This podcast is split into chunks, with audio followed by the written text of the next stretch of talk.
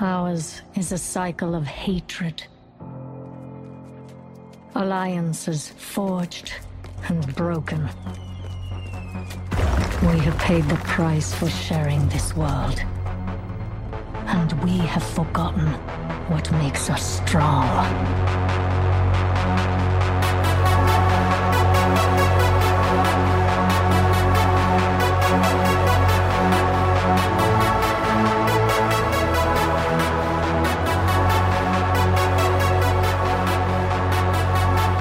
God søndag, alle sammen som uh, ser på oss live når vi tar opp episoden. Fordi uh, vi vet at Gud sa at søndagen var hviledagen, men for Lolbua så har søndagen blitt den store podkastdagen. Jon Cato heter jeg. Hva skyldes det her, Lars? Uh, frykter du ikke Guds vrede ved å sitte og jobbe med podkast på en søndag? Jeg var redd for Gud en dag, og det var den dagen jeg fikk bekreftelse av at jeg var meldt ut av statskirka og eh, skulle ta toget ned til Blindern, husker jeg, for å ta eksamen. Så jeg tenkte kanskje kommer toget til å spore av. Det gjorde det ikke. Kom meg ut av toget. Eh, nå var jeg redd for lyn. Eh, alt det her er sant. Og så skulle jeg ta eksamen, og så gikk det helt greit. Etter det tenkte jeg ja, ja, hvis Gud ikke bryr seg nok til å drepe meg, så fins han sikkert ikke. Så da, da var det greit. Du dara Gud til å liksom knerte deg. Så du meldte ut av statskirka selv om du trodde på Gud? jeg trodde ikke på Gud før jeg var ute av statskirka. jeg ble sånn, fikk sånn angst for at han faktisk eksisterte, og var sint. Han gjør jo det, han eksisterer, han. Hva er det du sier for noe? Det er kun våre Patron-støttere som har tilgang til Roffelbua, som har hørt eh, denne mannen før. Dag Thomas var det som kom her med et kristent budskap.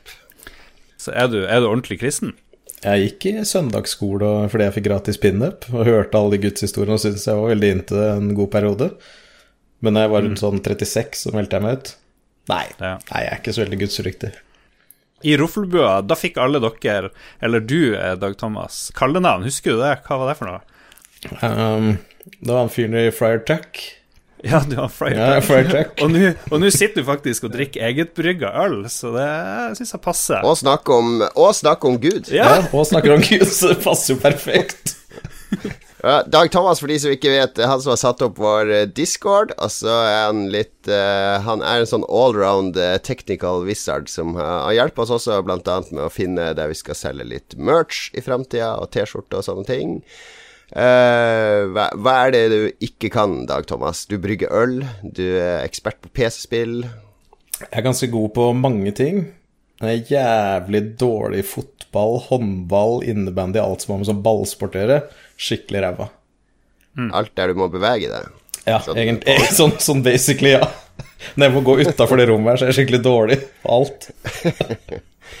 All right. Vi har med en annen av vår indre redaksjon. Eh, vår retroekspert og eh, faste fotograf. Christian, yes. velkommen skal du være. Takk, ja, takk. Ja. Hvor, hvor, i landet er det du sitter, Christian? Er du i Oslo, eller? Jeg sitter på Lørenskog. Ute på Lørenskog, ja. Så selv om det ikke høres sånn ut, så har jeg bodd på Østlandet i eh, 20 år. Ja, Du flykta fra Sørlandet? Flykta fra Jæren og eh, bosatte meg på Østlandet. Noen har kanskje sett rommet, nerderommet til Christian. Det delte vi for noen, i hvert fall. Du har jo verdens sweeteste mancave. Du har sånn en hel haug bilspill, eh, sånne stasjoner satt opp med seter og ratt, som har kosta helt vilt mye. Pluss et svært kjøleskap med, hjemme, med, med øl, stappfullt øl. Så har du din kodeplass, hvor du koder Commodore 64-ting. Veldig sweet. Veldig misunnelig på det, Christian. Ja, det er a good place to be. Absolutt. Men Lars, du har jo et helt hus, så du kan gjøre om til en mancave. Det er jo ikke noe å være misunnelig på, det er bare å sette ja, i gang. det er bare latskap som ja. hindrer det. Det er det. Men Kristian, da lurer jeg på, fordi jeg ofte merker jeg Jeg har jo også en, et sånt kontor som er mitt private område, og at ofte syns jeg det er morsommere å fikse og sortere og ordne ting og sette opp ting, enn å faktisk bruke ting på det rommet. Altså jeg tilbøyelig til å være enig. Det er mye gøyere, iallfall når det kommer flere når vi skal spille bilspill. Sånn. Det er ikke så ofte at jeg sitter alene. Men, eh, men ja, det er kjekt å rigge opp òg og gjøre klart og gjøre det fint, for å si det sånn. Det er noe med å vite at jeg har det. At jeg har ja, muligheten ja. til å bruke det. Det er nesten viktigere enn å bruke det for det, da. All right, vi skal gjennom masse i dag, så vi må komme oss eh, videre. Vi skal handle om uh, racing i dag, fordi jeg skal snart ut og reise. Jeg skal til Gamescom i Tyskland. Det er vel verdens største spillmesse, tror jeg, eller sånn publikumsspillmesse. Der uh, Jeg anbefaler ingen å dra dit, med mindre du er veldig glad i å stå i et sånn uh, 17. mai-tog tre dager i rad med én milliard tyskere. Altså, det, det, er så stort og så mye folk at folk som meg, som liker seg best alene, det, det kan bli utfordrende. Jeg skal stort sett sitte på et sånn privatrom, så det går bra. Men du skal til, eh, til Köln på Er det det det heter? På, Köln, ja. Köln. Er det ikke Det er sånn Det er så mye folk på den der Gamescom at folk er redde når de er der. De tenker at hvis det blir en brann nå, så kommer jeg til å dø, for det er 100 000 mennesker på altfor lite område. Ja, det er basically sånn der seks eller fem eller seks flyhangarer som er fylt med, med spill. Det er, ikke, det er, ikke, fylt med spill, det er ganske mye tomme områder der. Men du ser, det er liksom en Activision-stand som er like stor som to fotballbaner, og så er det ca. 20 000 mennesker på den standen som står i kø for å spille Call of Duty eller Destiny eller whatever. Mm. Og det er så mye folk. Det er bare folk overalt. Så, så ja, hvis det skjer noe der, så kan det skje litt av hvert. Men du skal også reise, Lars? Ja, skal reise. Skal ut til uh, hemmelig destinasjon. Nei, jeg skal til Oslo på et uh, viktig, viktig møte. Og siden, siden, du ikke er der, så tenkte jeg ah, fuck it. Jeg drar opp og ned samme dag. Så det, ja, Nå vet jo alle dine venner i Oslo det, siden du har sagt det før du reiser. Det var kjempeflott. Da revoker jeg invitasjonen til Mancaven. Ja, jeg har egentlig en sånn vaktuke, så egentlig så kan jeg ikke være så lenge borte. Men hadde Jon Cato vært der og vi kunne gjort noe morsomt med Lolbua, så hadde jeg, hadde jeg blitt Kan ikke gjøre noe gøy med Christian, kan bare sitte og råtne han i rommet sitt.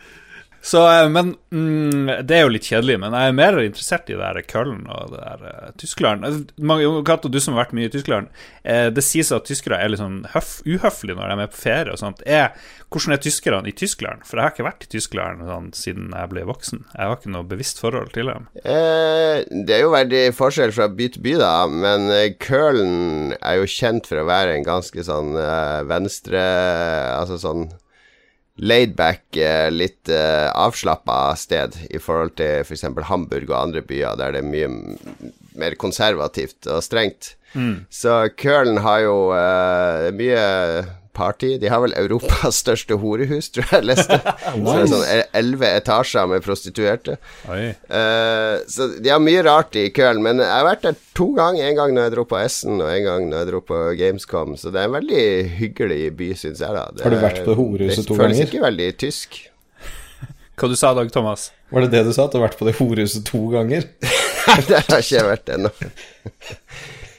Men hvis jeg skal velge noe sted å reise på ferie, så er Tyskland ganske langt ned på lista. Og det er ikke bare Det har litt med Jeg liker at maten i landet jeg drar til, er bra, eh, hvis du skjønner. Altså sånn Italia er veldig bra, Frankrike er mye bra. eh, Spania er helt ok, men Tyskland, der, de har liksom jeg er ikke noe særlig glad i wienerschnitzel og sauerkraut og sånne svære pølser og sånn. Ikke noe glad i currywurst? Nei, det er ikke pølse generelt. Det er langt ned på min liste. Men uh, jeg skal nok Jeg skal utforske litt eh, kulinarisk nå når jeg er der. Ja, bra. Får vi noen reportasje fra Tyskland uh, til uh, på noe vis? Tar du med noen lydopptaker der? Ja, jeg tar alltid med lydopptakeren, men det er ikke så ofte jeg bruker den. Men det er en del Det er jo sånn norsk fest med marioke, som, eller nordisk fest med marioke. Mm. Så vi får se om jeg orker å drasse på den der. Ja. Det kan være. All right. Vi skal ta hva vi har gjort i det siste, så vi kommer oss videre. Det er jo noe som står i hodet på alle oss akkurat nå. Det er jo eh, Lars, du er helt hekta, har jeg skjønt?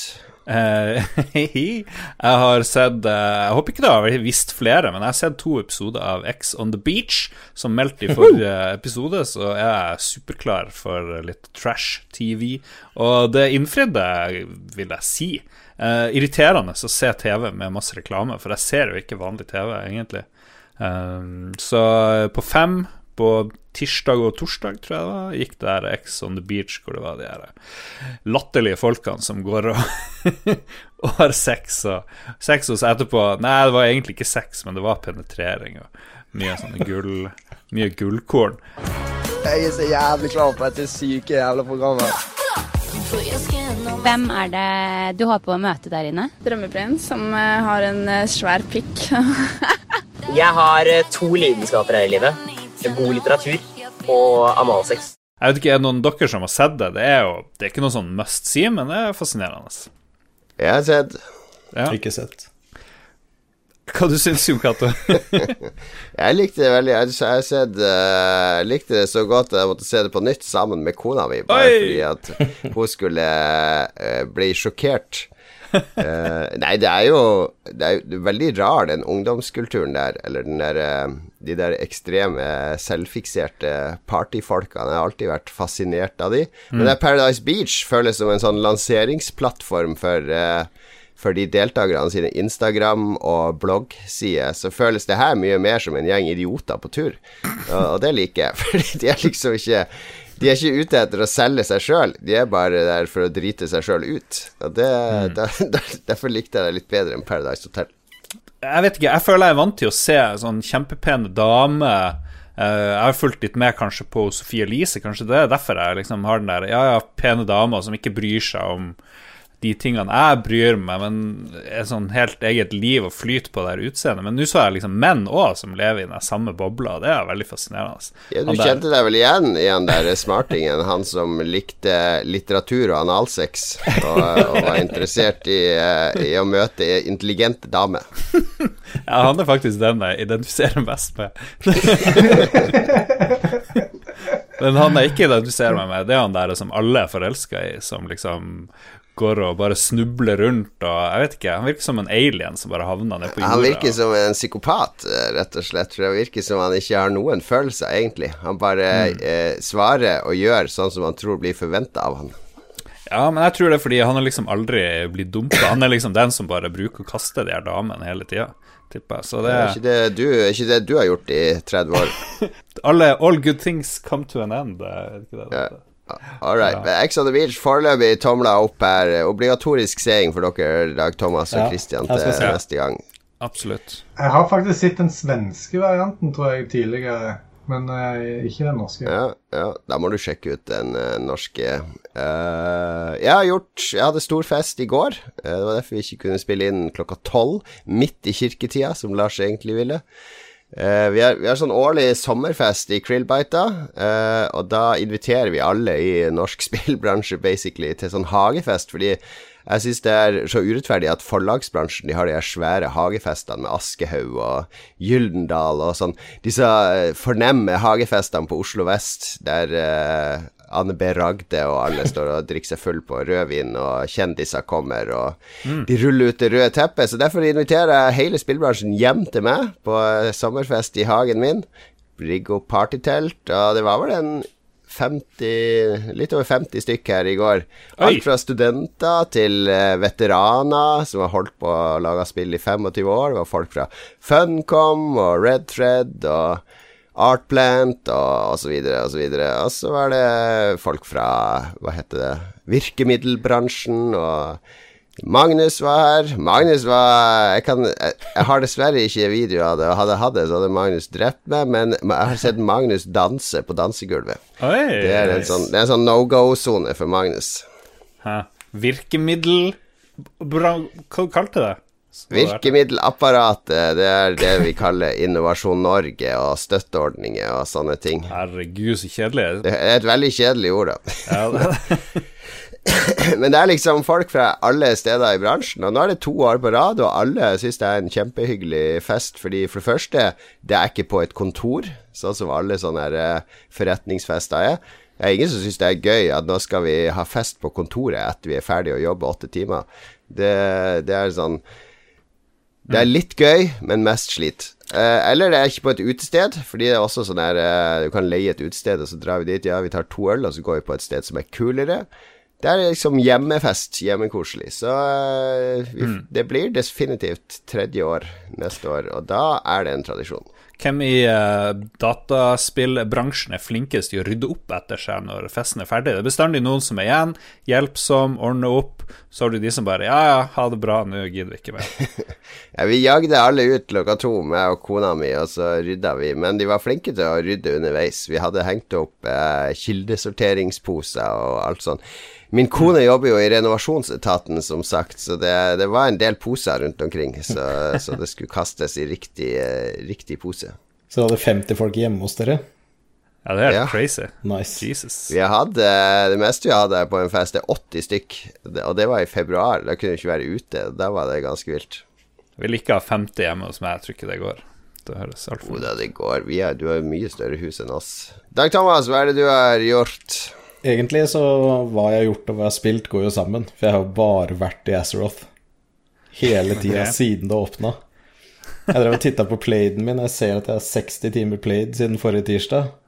Ja, Men det kan du snakke om når vi skal snakke om hva vi har ja. spilt. Så du kan heller fortelle om den der kule ølen og vise den fram til Jo, jo, jo det kan jeg si. Den brygga var jo for litt siden. Altså vi, driver, vi har egentlig bare drevet og, drevet og brygga mjød. Men denne gangen her så prøvde vi å lage en New England IPA. Nå er det selvfølgelig ikke alle som kan se den, men den heter Intergalactic Planetary, og etiketten på boksen er en robot, sånn som den i Beastie Boys-videoen.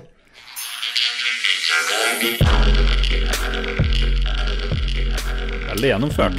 Ja, så vi prøver å liksom ha det gjennomført, så vi kjøpte oss egen sånn boksvalser òg, sånn at vi kan lage egne bokser.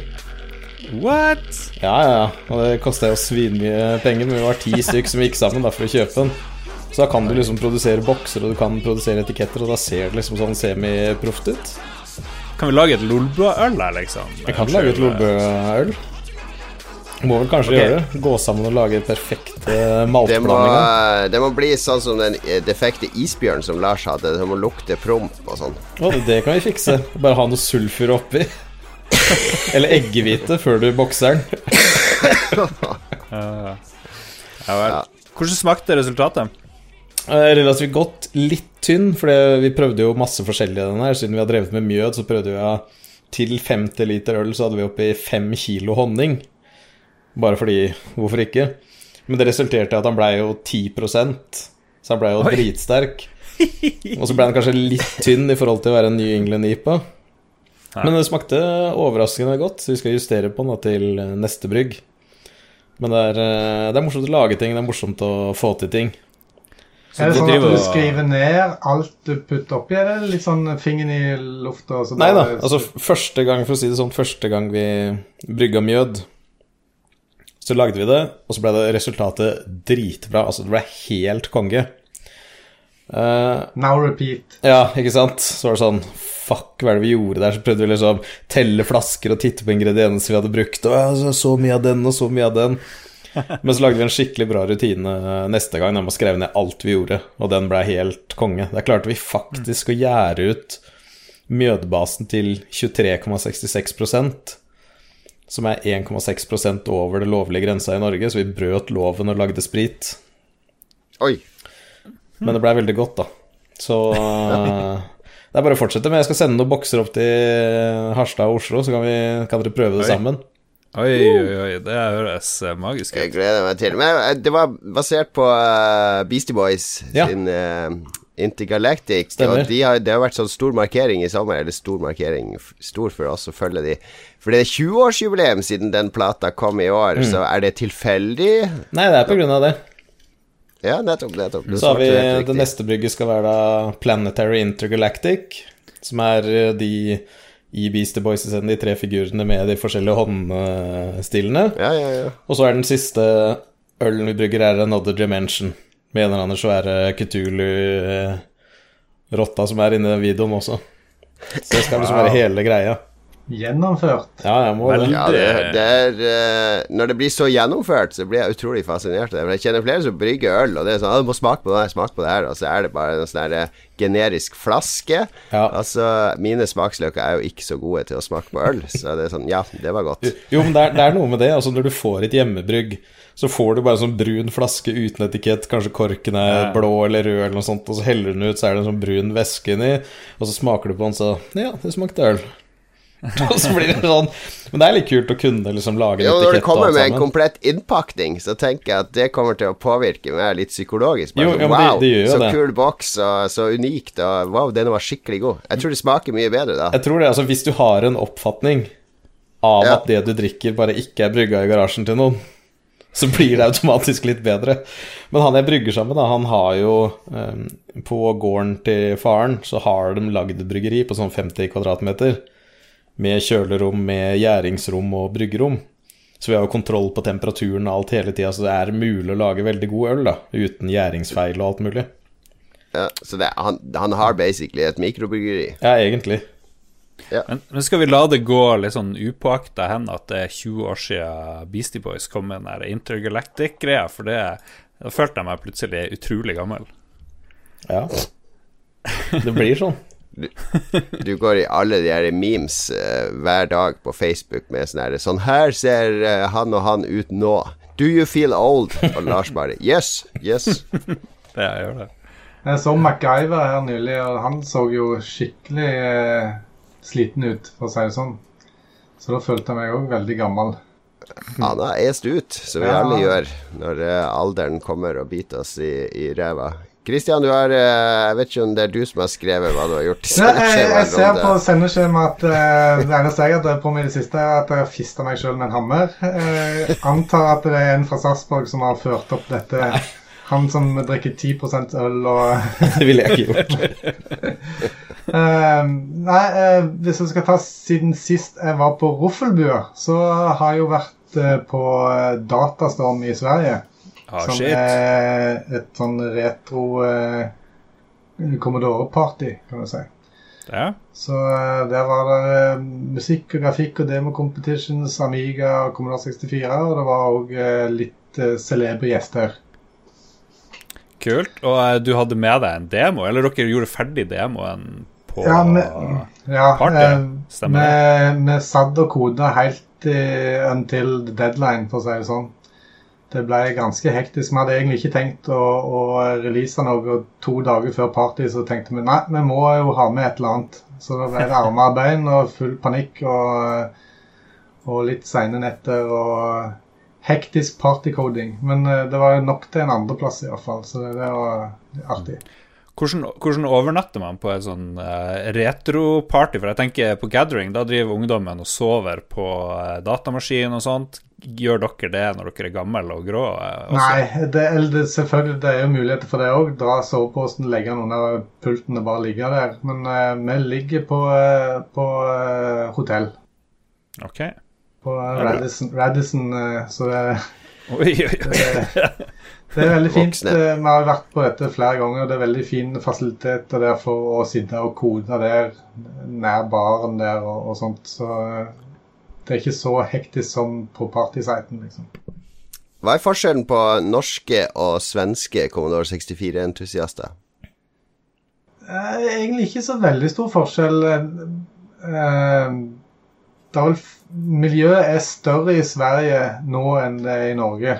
Er det mer konkurransepreg i Sverige, kanskje? For de pleier å ha litt spissere albuer og være litt mer, eh, mindre samarbeidsvillig. Det er veldig hyggelig stemning. Det er ikke sånn eh, krig og fighting. Det er selvfølgelig litt kniving, men så er det skål og hyggelig lag etterpå. Ja. Var det noen, var noen celebrities der borte, forresten? Det var uh, John Hare var der. Han mann bak uh, Cannon Fodder og Parallax og Whizball og disse her uh, Sensible Soccer og ikke minst. Sensible. Soccer, ikke minst. Og det var Sensible Soccer-turnering, selvfølgelig. Og han var da kommentator under den turneringen. Mm. Han, han, møtte jeg faktisk på Kølen i fjor, når jeg var på Gamescom Nei, på, i Paris for et år siden, eller to. Veldig hyggelig Hva Jeg slo av en prat med han og tok opp noe greier, så det er mulig at vi får høre det seinere en gang. Ei, ei, ei. Siste spørsmål jeg har, for i Norge er vi jo kjent for å si 'Kommandore 64. Hva sier de i Sverige? Der sier de ikke 'Kommandore', der sier de Commodore. Gjør de det? Commodore. Sier de 64, eller Sier de 64, eller 64. 64! 64! Har de hittat 64 Tobias, skal de hitta 64 Sånn sier de i Sverige. Akkurat sånn sier de. Vi hører på litt musikk. No more heroes, it's hero begin. Nu kanske nobody but yourselves nothing else to do. No more heroes, no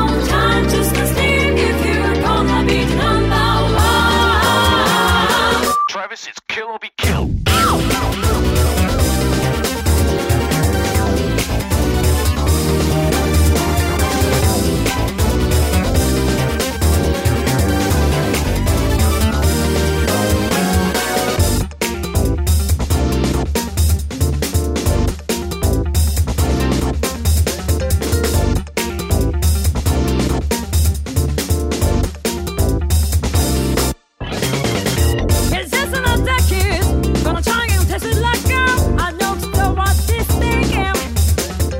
It's Kill or Be Killed-mix der fra No More Heroes. Uh, legendarisk spill fra Suda 51.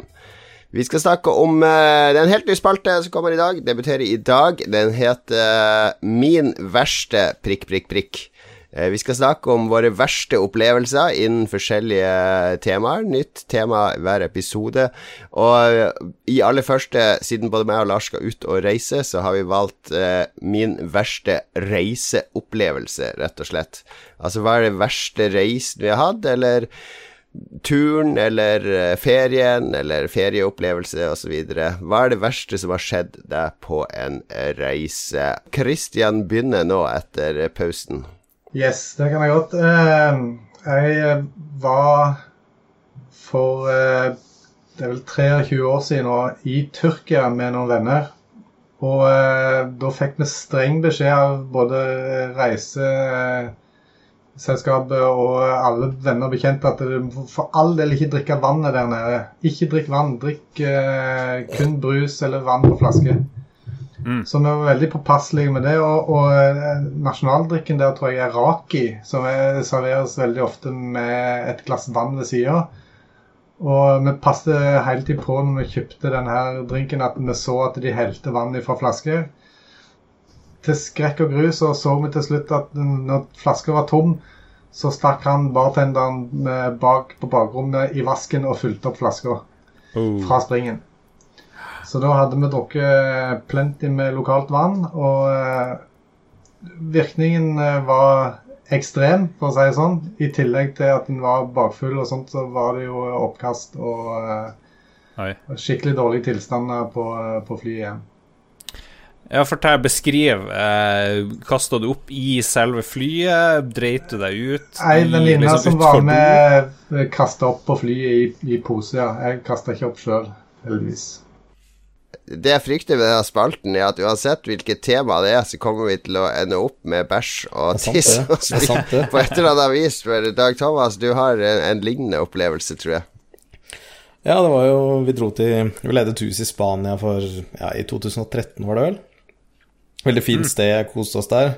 Tenkte vi skulle stikke innover til Porto Banus for å få oss noe mat. Og der begynner liksom serien med dårlige avgjørelser. Allerede i taxien så spør vi taxisjåføren kan du anbefale et bra sted, og det skal du aldri gjøre. Ja, jeg kjente en fetter og sånn drev et sånn jævlig bra sted nede i Portobanehuset. Heter uh, La Pescuera Le Mariscuera eller noe sånt noe. Ja, man må sjekke ut og sånn. Og så kommer vi opp dit, da, og der står det selvfølgelig en sånn innkaster. Og sto der ja, dere skal få to flasker cava hvis dere kommer inn, og så begynte å nøle, titta inn og ingen satt der. Ja, dere skal få de beste setene ved siden av Lobster-akvariet. Ja, greit. Bli med min, da. Og det er bare sånn Det er så mye alger i akvariet. Det er helt grønt. Én sånn uh, stakkars og grå jævla um, krapyl nedi der som driver og krabber rundt. Og liksom, ja, ok, vi bestiller litt forskjellig. Jeg bestilte da entrecôte. Som skulle, det var steingrilla entrecôte. Så var det noen som bestilte sånn succulent pigg, og noen bestilte fisk og masse rart. Fikk vi maten, og det smakte absolutt ingenting. Det smakte, liksom, det smakte bare ingenting. Og jeg fikk en sånn liten sånn halvlunka stein og sånne, sånne udefinerte kjøttbiter. Det var i hvert fall ikke entrecôte, for det var ikke noe fett på dem engang. Og så mhm. satt jeg liksom bare titta dumt på steinen, og så kom der servitøren bort dritsur, tok bare en sånn kjøttstykke med hånda, la det oppå steinen, og så tok hun salt nedi den saltbøssa jeg hadde, litt surt, og helte over liksom for å vise meg hvordan man gjorde det, da. Ja, så jeg greit liksom spiste den kjøttflinga, den grå kjøttflinga som hadde ligget og kokt oppå den steinen. Og alle var enige om at dette var skikkelig skitt. Jeg betalte 120 euro eller et eller annet sånt noe. Mm. Og så skulle liksom ned Og liksom titte på byen, da. Og så plutselig begynte det å rumle så jævlig i magen. Tok helt av. Det bare buldra og rumla. Jeg skulle kjøpe meg noen churros borte på hjørnet, blei jo ikke det. Det blei bare springmarsj ned til taxikøen. Fikk tatt taxi. Satt der og kneip rumpeballene sammen hele turen hjem. Tenkte faen, dette her skal jeg klare, og det rumla hele tida. Alt var helt jævlig. Jeg svetta, det bare rant svetta meg. Jeg svetter ganske mye til vanlig, men da var det ekstra mye. Jeg var helt våt i øyenbryna. Så løper jeg opp trappa, og akkurat når jeg kommer sånn cirka ved siden av jacuzzien på huset, så driter jeg på meg. jeg renner bare ned på innsida av låret. Jeg bare, får stabba meg bort på doen. Det er jo faen meg bæsj overalt, for sklir skli bortover setet. Og det var jo liksom da bare matforgifta. Flere dager av ferien blei bare helt jævlig. Magen var helt ødelagt. Jeg måtte bare sitte inne og Ja. Så da skrev jeg en litt sånn hissig tilbakemelding på uh, På hjelp? Hva heter det stedet? Jeg skrev i hvert fall en TripAdvisor. TripAdvisor. Jeg skrev en review der om mm. at uh, I went to Le Pescuera Marisquera and all I got was 115 euro diarrhea. Og da var jeg irritert, men det føltes godt å kunne skrive det. Og etterpå så jeg på TripAdvisor at den restauranten da hadde 1,2 av 5 stjerner. Der spiste vi. Så det er jo som Jon Cato sa, at det hadde vært jævlig kult en gang å bare dratt et sted og bare spist på de dårligste restaurantene du fant overalt. Og laget en review av det.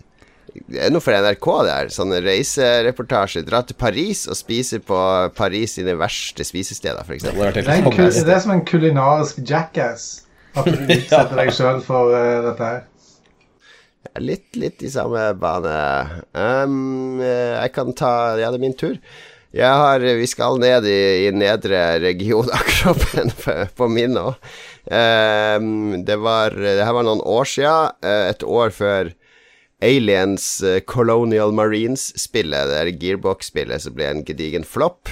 Det var mye hype før det kom, da, så jeg ble jo invitert til Gearbox i Dallas for å se på spillet. Jeg skulle være der i fire dager. Uh, og de hadde Det var masse effekter der fra Alien-filmene, annet Alien Mother Queen-modellen, som de har brukt i filmene og sånn. Så jeg var jo skikkelig spent på å dra dit. Jeg hadde jo veldig lyst Jeg visste jo ikke om spillet var bra eller ikke, men jeg har aldri vært i Dallas, så det må jo dra dit. Så jeg måtte ned til Frankfurt først, da. Og så var det sånn direktefly til Dallas, og det er vel sånn tolv, tolv og en halv time, tror jeg det tar. Mm. Og da, da jeg gikk ned i Frankfurt der, så er det selvfølgelig en bok om eh, Heinrich Himmler-biografi som jeg drev og leste, for den hadde jeg begynt på før jeg dro. Så det passa veldig bra når jeg satt der i Tyskland. Og så var jeg litt sånn småsulten, så jeg spiste en panini, men jeg var litt sånn Spiste en halv en, som merka at jeg var egentlig ikke sulten. Det var litt sånn et eller annet et eller annet rart. Ikke med maten, men med kroppen. Men det går sikkert over. Det er bare, sikkert bare sånn reisefeber lufttrykkforandring på flyet fra Oslo, eller noe sånt. Men går han om bord på det Frankfurt-flyet, sitter en sånn der tønnefeit mann. Ikke sånn der, der det velter ut på alle sider, men der eh, hele overkroppen ser ut som en tønne. Og så kan han egentlig ikke ha armene rett ned, fordi overkroppen er sånn tønne, så de må stå litt ut til sida. Så han har de armene mhm. folda over brystet til enhver tid. Uh, så at jeg kan basically må holde min høyre arm helt inntil kroppen hele tida, altså sitte og, og gnir armen min mot hans arm. Uh, så det var jo litt ubehagelig i seg sjøl, men jeg satt heldigvis ved midtgangen. Så jeg har akkurat tatt på meg beltet, og flyet begynner å taxe, så kjenner jeg det begynner å rumle i, i magen. Jeg kjenner meg skikkelig kvalm. Det er alle tegn på sånn omgangssyke, ikke sant. Uh, og da det er jo, At det rumler litt i magen, er jo ikke tegn på omgangssyke. Nei, men det er den der den magepinen og kvalmen. Ah, okay, ja. Og jeg svetter litt i panna og sånne ting. Og så ser jeg på klokka, jeg skal jo sitte her nå i tolv timer på dette flyet med KLM. Jeg kan ikke stoppe flyet eller noe sånt og komme meg av. Uh, så jeg klarer å holde meg da mens vi taxer og tar av, for det må jeg ha på beltet. Med en gang det lyset går av, så er det sånn tjo, rett opp. Og hvor er doen? Og her var det veldig flaks, da, fordi det KLM-flyet her, det har sånn toalett nede i kjelleren. Eh, det er ikke de her to What? bake og fremme. Ja, de har, de har sånn trapp ned, og så er det seks toaletter i kjelleren. Wow. Og det var en velsignelse, for der nede var det litt plass og litt pusterom, så jeg kom ned der inn på en do, og så satt jeg på den basically en halvtime og drøyt og spydde litt og drøyt litt til. Og vaska meg litt. Så gikk jeg opp og satte meg i setet, og der kom de med noe mat, men det orka jeg ikke. Jeg tok noe brus Altså, en time klarte jeg å sitte der, så måtte jeg ned på do igjen.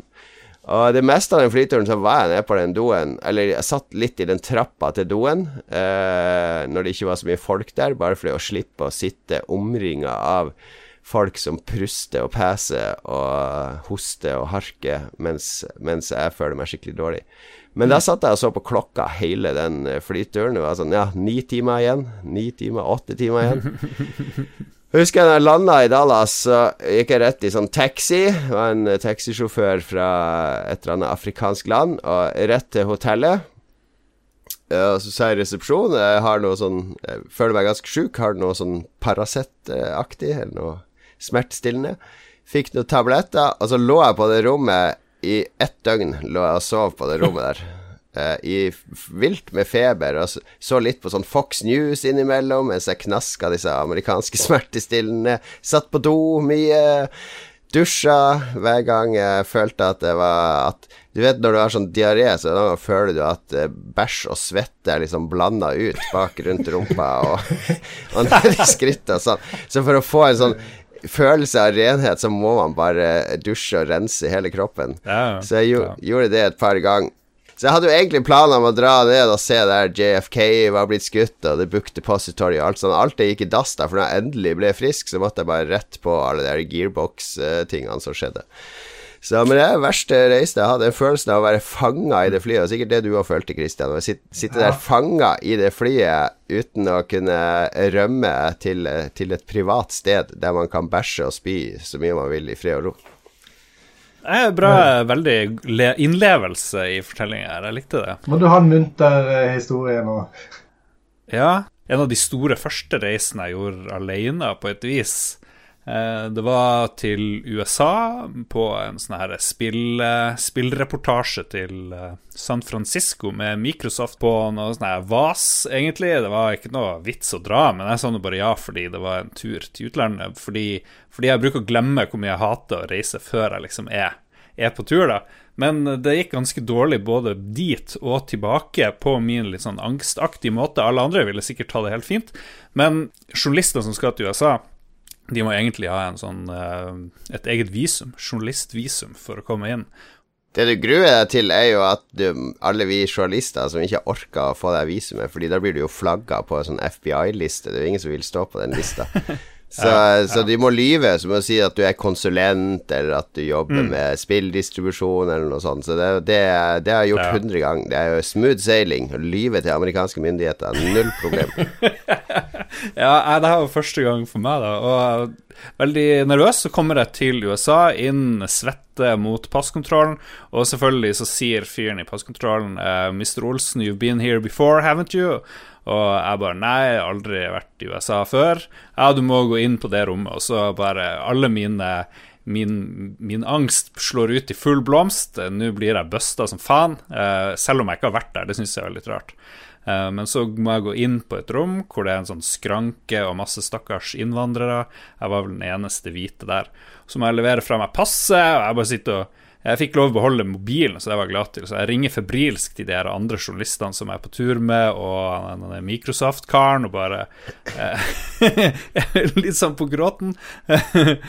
og så venter jeg i 15 minutter, og så kommer de og sier ja, ja, bare, eh, bare gå videre. Det jeg, jeg, fikk ikke noen forklaring. Jo, de sa oh, yeah, we saw you filled out the proper forms. Eller noe sånt. Jeg fylte ikke i noe forms. Jeg bare satt der og var redd. Så fikk jeg passet mitt, og så fikk jeg dra inn igjen. og så på tur tilbake så var det òg ganske ubehagelig, fordi eh, da vi fløy gjennom Amsterdam eller noe sånt, og så var det sånn der narkohund på eh, Gardermoen som bare plutselig ville var interessert eller et eller annet. jeg hadde ikke gjort noe. Men jeg liksom Oi. Men fordi jeg husker jeg hadde lånt kofferten fra en kompis og tenkte kanskje han hadde liksom gjort et eller annet. Så jeg liksom ble tatt inn i det rommet og måtte liksom kle av ting, og, og de skulle liksom sjekke De tok ikke Og ta to fingre inn og hoste. De tok ikke De sjekka ikke noe som cavities, men de, måtte liksom, de måtte, måtte, sjekke alt. Og de, de, var, de var så sikre på at de skulle finne noe. De bare Ja, ja, må sjekke her og sjekke der, og bare så bort på meg. Hva faen? Og jeg var sånn her eh, Jeg vet ikke hvorfor, men jeg var skikkelig sånn her dårlig dårlig uh, form, så jeg bare ble skikkelig nervøs og redd. Jeg vet ikke. Det var helt vilt. Så jeg drev og skalv uten å ha gjort noe som helst galt, så hadde jeg superangst inne på Gardermoen for at jeg skulle bli busta med to kilo heroin, eller jeg vet ikke. Jeg, jeg, vet ikke hva jeg var redd for. Men liksom, sånn her, det er helt standard eh, sånn reisefrykt jeg hadde før. Men nå går det litt bedre, da. Eh, det gjør det. Så nå kan jeg Nå har jeg jo dratt på mye Formel 1-turer og og, vært på mange spillturer etter det, så jeg blir litt sånn litt mer robust. Men eh, ja. Sånn var livet mitt en stund. Eh, sånn var livet ditt uh, når du var angstfull uh, reisende, Lars. Vi skal snakke om hva vi har spilt i det siste, rett etter Spy versus Spy.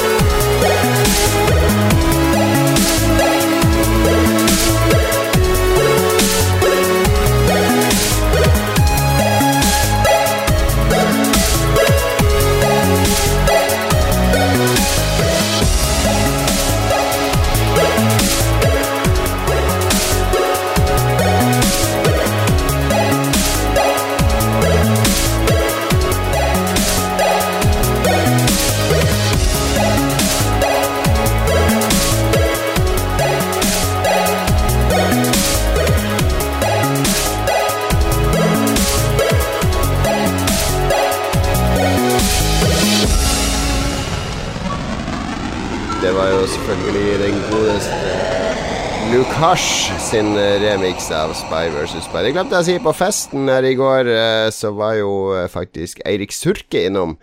Kanskje Norges mest kjente spillmusikkomponist. Han har jo laga musikken i Spelunky, i Ridiculous Fishing, i Super Crate masse Vlambir-spill. en meget, meget god chip-musiker. Ja. Hjelp oss lite her. Men fint for det. Det er veldig lite som hjelper oppe i Harstad, egentlig. Eh, bortsett fra dataspill, det får de smertefulle monotonien i hverdagen i Harstad til å gå. Så Lars, fortell nå heller hva du har spilt i det siste, som gjør livet ditt utholdelig. Og den store klypa i Harstad, forresten. Den er også Ja, det, det, burde jeg jo nevne. Vi har jo hatt en svær festival her. Jeg har jo vært og sett Level 42, eh, hva jeg så i går og greier. Det var jo De kom endelig til Harstad. ja, men det, de er jævlig flinke live, altså. Han der bassisten eh, er jo et geni. Han driver og eh, er utrolig funky. Og så fikk det er han som har bassen helt opp under halsen når han spiller, ja. ikke det? Ja. Så det har skjedd òg. Um, vi skal snakke om hva vi har spilt i det siste. Jeg har spilt Dead Cells til den store gullmedaljen. Fy fader, det er mitt favorittspill i år, tror jeg. Sinnssykt, sinnssykt bra. Kjøpte det til PlayStation 4, um, men jeg tror det er minst like bra til Switch. Det er et Rogue Light spill. Eh, banene er nye hele tida, men du får med deg litt prog progresjon. Eh, hvis du tenker Rogue Legacy, er det det heter, um, så mm. ligner det litt på det. 8-bits, 16-bits uh, pluss grafikk. Veldig kul musikk. Fransk sensibilitet, litt sånn corny. Vanvittig bra level, selv om alt veldig mye er random. Du kan kjøpe ting, du kan oppgradere ting. Fiendene er interessante og variert. Um, og så har du slotts hvor du putter inn ting du finner. Du har bestandig uh, et hovedvåpen og et sidevåpen. Uh, sidevåpenet kan byttes ut. Uh, et kastevåpen kan byttes ut med et skjold, og det endrer jo spillemåten fullstendig. du kan, du kan liksom få liv hvis du parerer rett. og og sånn, og, og, så har du feller du kan kaste ut. Alle items har sin egen farge, og alle fargene har sine egne upgrades. Og det er så mye Det er så mye i det her spillet som er kult, så jeg blir litt sånn her uh, over meg. Um, er det noen andre som har spilt det? For det er helt sånn her uh, crazy ja, gira. Både jeg og Mats har snakka om det før, for et år siden, når det var ute på PC. Så ja, men du spiller jo spill i sånn to minutter, så blir du lei. Det her, det her burde du gå tilbake til, Jon Cato. Jeg har det på Switch. Jeg spilte på Switch. Det er bra, det er bra. Men det er jo Det er basically det samme spillet som det var i Early Access. Men de har jo sikkert De har gjort en del med levelene og sånne ting. Men uh, det er et kjempebra spill. Uh, det er jo en slags 2D Dark mm. Souls, uh, kan du si, med veldig intens kamp. Ja, fy fader. Hvis du liker de her Hollow Night, Axiom Verge-tingene, så er det her, det her er enda bedre. Det er det beste på, på um, flere måneder, flere timer. vil jeg si. veldig bra Switch-port òg. Så Dead Cells er eh, Det kommer nok til å havne på mange av årsbestelistene, det tror jeg. Ja. Jeg drev og, og, spilte veldig mye i går med min kompis Jens Arthur. Han spilte en runde, jeg spilte, og så ble vi sakte bedre og bedre og kom lenger og lenger. Det er veldig lett å komme forbi den første verden, så kommer du til Mellom hver, hvert brett da, så, så kommer du til en sånn fyr som heter The Collector og han gir du alle cellene du har funnet. Det heter jo dead cells, så du gir alle cellene du finner, og så kan du oppgradere ting med han. Men du må komme til han for å få nytte av de her cellene dine. Mm. Uh, av og til finner du utgangen til neste brett ganske fort, og så må du liksom gjøre en oppveiing. Skal jeg gå og risikere å dø, eller skal jeg benke de her cellene jeg har nå? Uh, så det er hele tida en litt sånn her risk reward-greie. Uh, og noen områder er vanskeligere enn andre. og så finnes det litt småhistorier her og der. Du kommer over et rom med en slags secret plutselig, eller en karakter som ville hjulpet i noe. Så det er, en, eh, det er i bunn og grunn 2D hopp og sprett og slå og sånt, men mye dybde og mye historie og veldig mye mekanikk. Hvordan fungerer det når du lar en venn spille på din profil? Det er helt det er fullstendig uaktuelt for meg. Hvis jeg f.eks. driver og spiller Elder Scrolls eller Fallout eller et eller annet sånt, og så er det en kompis som spiller en halvtime med min karakter og gjør noe greier, da, da, da, da kan jeg ikke fortsette. Da er det ødelagt for meg. Nei, ikke hvis du sitter ved siden av. Ikke hvis dere sitter i lag og spiller. Jo, det er helt uaktuelt å la han styre meg. Det, det, det går ikke. Er du tre år, liksom? Det er jo ikke noen ta kontroll over livet ditt, Lars. det må gi opp det kontrollbehovet, Jon Cato. Så du, du, er helt villig til å kle deg naken og ta bind for øynene og gi Jens Arthur full kontroll? Eh, legg deg ned. jeg syns sammenligninga er perfekt, og jeg sier ja. Det er bra. Jeg har spilt uh, Jeg har spilt både World of Warcraft, sånn som Dag Thomas uh, har gjort. Ikke like mye, det må jeg innrømme. Men jeg har også spilt jeg så at det var kommet noe uh, Bart's Tale Trilogy Remaster, som jeg tror er noe som de har gitt ut i forbindelse med kickstarteren til Bart's Tale 4, uh, eh, men også for salg for de som ikke har backa det. Og Det kosta en hundrelapp på Steam, og jeg, jeg, hadde jo originalen til Bartstale 3, og jeg spilte Bartstale 2 sinnssykt mye på Amiga. Så tenkte jeg ok, det får jeg sjekke ut. Det var bra anmeldelser på Steam og sånn. Og da ble jeg sittende i to og en halv time og spille Bartstale 1. Foreløpig er bare Bartstale 1 lansert i den pakka. Kommer toeren om en måned eller to og bare gå rundt i skarabra. Det er sånn rutenett-rollespill. Eh, du ser liksom gjennom øynene på den eventyrgruppa, og så går du fra rute til rute i et rutenett. Du kan snu deg 90 grader. Så møter du random monster, og så velger du kommando for hver av dine seks karakterer. Veldig Dungeons and Dragons-basert, med klasser og, og sånn. Og bekjempe monster, får gull, XB, går opp i level, kjøper bedre utstyr, finner hemmeligheter osv. Helt basic back to Altså sånn som rollespill var på 80-tallet. Men de har liksom De har laget en sånn automap-funksjon som holder styr på hvor du har vært på kartet, hvilke hus du har vært innom, som er veldig nyttig, fordi halve spilletida i de gamle Bartstale-spillene var jo å fylle ut disse matte, matteskrivebøkene jeg hadde stjålet på skolen med kvadratiske ruter, der jeg satt og tegna kart for hånd over alle sånne typer spill. Eh, når du slipper å gjøre det, så går det en del fortere. Men, eh, men det, du blir jo sånn Det er veldig deilig kontroll i det Barcel, for du styrer bare med tastaturet. Altså vel, er det bare første bokstav i fight, for eksempel F. Altså velger du type angrep med første bokstav i angrep og sånn. Så når du kommer inn i hva figurene dine kan, så er det bare sånn Trykke fort, velge kommandoer for alle, og så bare ser du hva som skjer, og så velger du kommandoer på nytt. Uh, du kommer inn i en sånn der fin, deilig sone når du går rundt og spiller. Det er veldig lavterskel rollespill å nyte. Ikke så anstrengende. Så har du spilt Bartstale før? Du har kanskje vært borti det, Christian? Ja, for lenge, lenge, lenge, lenge siden. Ja, det er lenge siden òg. Det er, det er, bra remake. Det er litt sånn teit grafikk, men de har liksom beholdt essensen eh, i det. Så, og de har ikke gjort det for fancy heller. Det, er liksom, det føles sånn som jeg husker at det så ut på den tida. Ikke, ikke masse jalla som ikke hører hjemme der. Så Bard's Tale Trilogy har jeg spilt av. Dag Thomas, få høre dommen på World of Warcraft. Battle for Azeroth.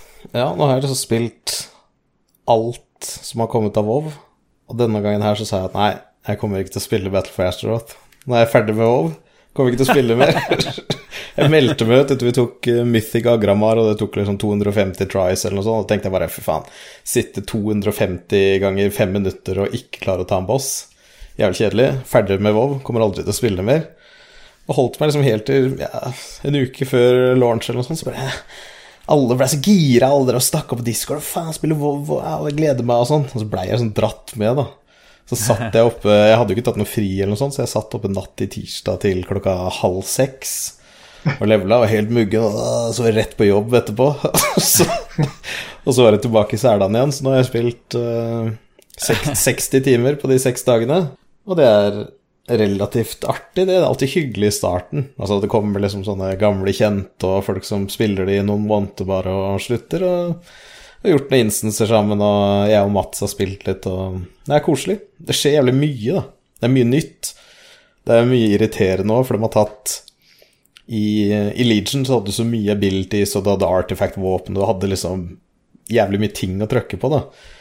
Men i denne expansionen her så får du ikke noe nytt. Den bare tar bort en tre-fire skills fra, fra alle klasser.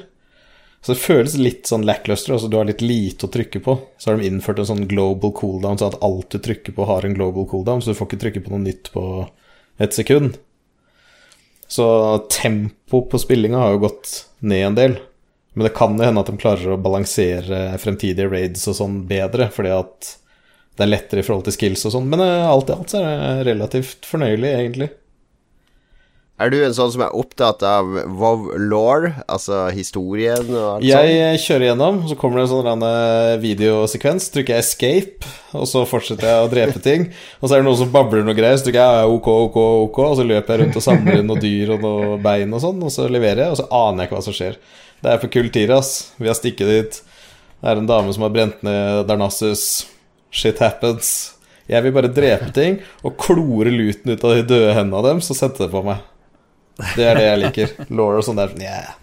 Good man. Fair enough. Christian, hva går det uh, nede i mancaven?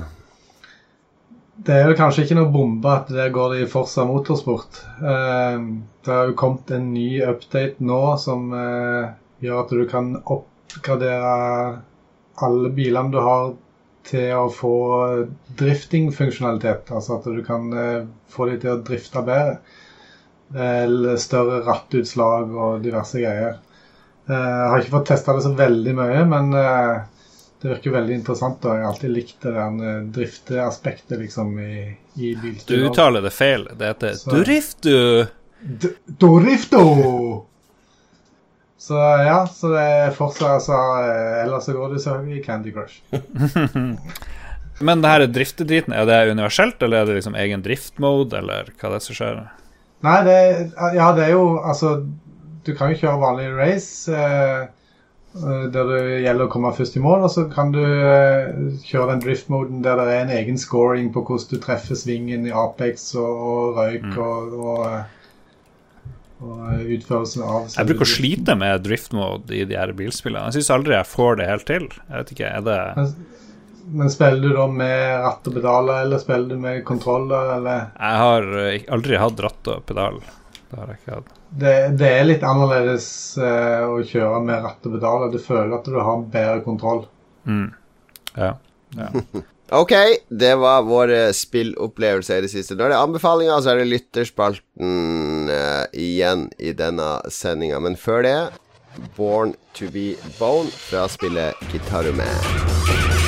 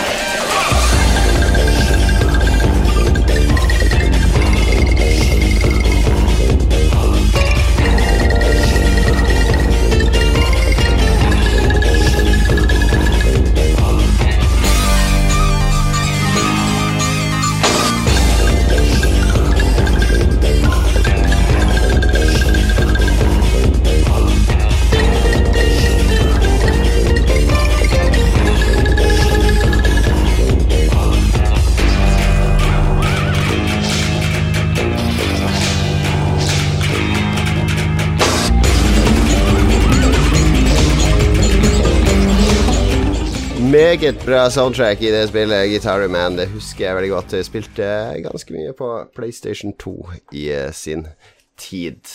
Anbefalinga er vår faste spalte i hver episode, der vi prøver å eh, berike våre lytteres liv ved å anbefale dem noe som vil gjøre livene deres bedre.